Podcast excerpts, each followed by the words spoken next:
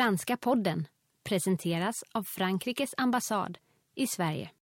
Héloïse Letissier is the name of the French singer, songwriter, and electro artist who performs under the name Christine and the Queens.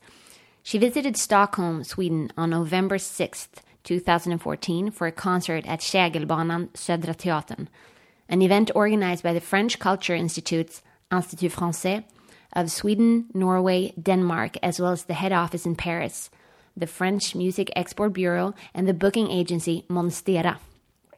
The concert is the result of a project designed to create touring networks in the Scandinavian countries for emerging French artists.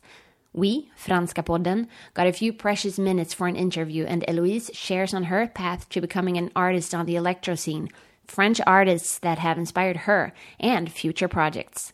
Enjoy. So I'm sitting here in Stockholm with Héloïse Letissier, also known as Christine and the Queens, and I will leave it up to her to to give us a brief presentation. Héloïse, a bit about yourself. Well, hello everybody. Uh, I'm indeed Christine from Christine and the Queens, and so my real name is Héloïse Letissier. Christine is basically my stage name. It's like my my persona when I'm going on stage. And Christine and the Queens is not really a, a band. Actually, it's like the name of of the story of of why I started music. Uh, because the Queens are like drag queens I met in London, um, where I was kind of searching for reasons to create and to write because I had quite lost it. And uh, so it's like more the name of of this important meeting in my life, Christine and the Queens, than the name of a band and uh, making music. I've been making music for four years now, and I just released my first album in France. It's called Chaleur Humaine, which is quite uh, something difficult to tr- to, tra- to traduce. It's like human warmth, like feeling generous in a way. So that's it, I guess. Why music? Um, it's you know, it's actually a good question I'm asking myself every day as well because it's quite mysterious. Why it started with music? Because um, I had made some studies to um, become a stage director. I wanted to make theater. I was very into being on the stage, but like more in through theater than music. And I, I was making, you know, I had studied piano and I, I, I knew how to make music, but I was not really interested or or um, en- enthusiastic about it. So it's quite weird. And at some point, I just I dropped everything I had I had started with theater because I didn't feel that it was the right path to choose. I was feeling uncomfortable. I had like quite an existential crisis, so everything was like wrong. And um, this is the time where I went to London and met the drag queens. And at this point, m- the music started to be really important in my life, but I still don't know why. I, I just started to to sing basically, and it was just like a way to heal myself. It's quite weird, and a way to be more expressive. And it's like I found my voice by singing. So it's like why music? I don't really know. I'm still figuring out, but it's but it's something vital now. So it's interesting. And how would you yourself describe your music? Uh, you know, it's interesting because when I made the album, I wanted my music to be hybrid and hard to define because myself, I'm, I've been listening to lots of different things. I can listen to to French singers like Christophe. I can listen to Kanye West, um, to rap music, hip hop music, classical music. So um, mainly, I, I guess we could say it's a mix between electropop and and chanson française, like French music. But um, I was really interested in not putting any label on, on the music I was making. And I think it's something that's going to change a lot now with the post internet generation. And you can have everything under your fingernails if you want. And everything is becoming more and more hybrid. So Um, many critics would place you within the electro Yeah. field. Um, what attracts you with that style of music?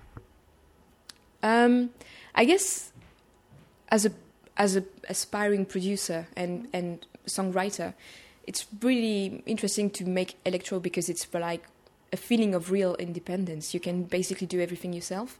Um, I started by producing my own music on my computer, So it's like an incredible, an incredible feeling to like uh, give birth to the album without having anyone to help you.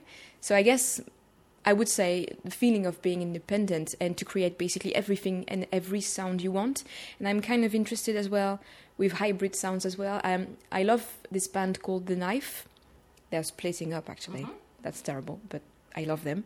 And they're always talking about how to make unrecognizable sounds with computers and like weird um, instruments and not really you can't really tell if the sound is organic or synthetic and you can actually break free from every rule with electro. Do you have any French influences uh, and inspirations? i have like two uh, only two but really important people for me two men. Uh, serge gainsbourg.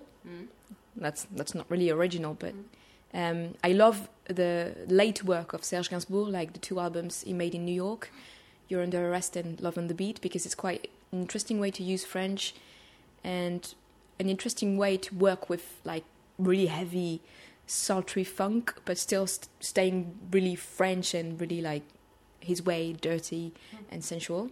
And um, another french singer which who is called christophe uh, he has an amazing career. And uh, he has he's like 70 now.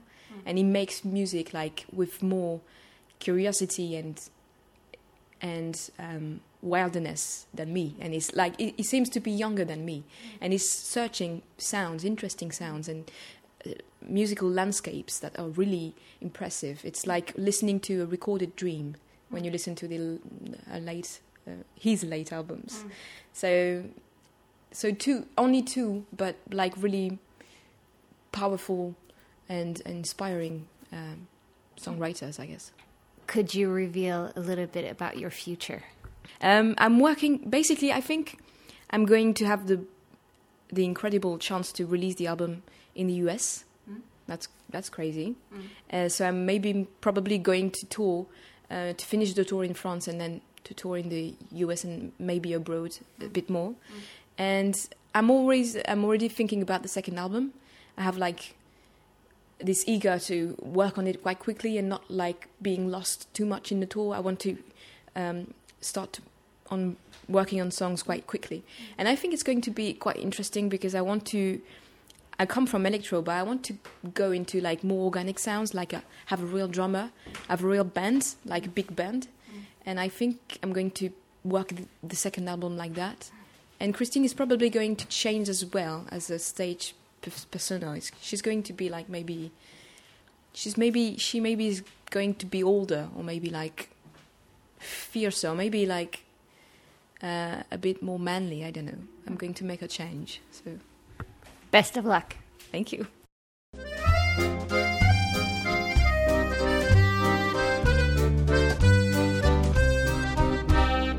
Franska podden presenteras av Frankrikes ambassad i Sverige.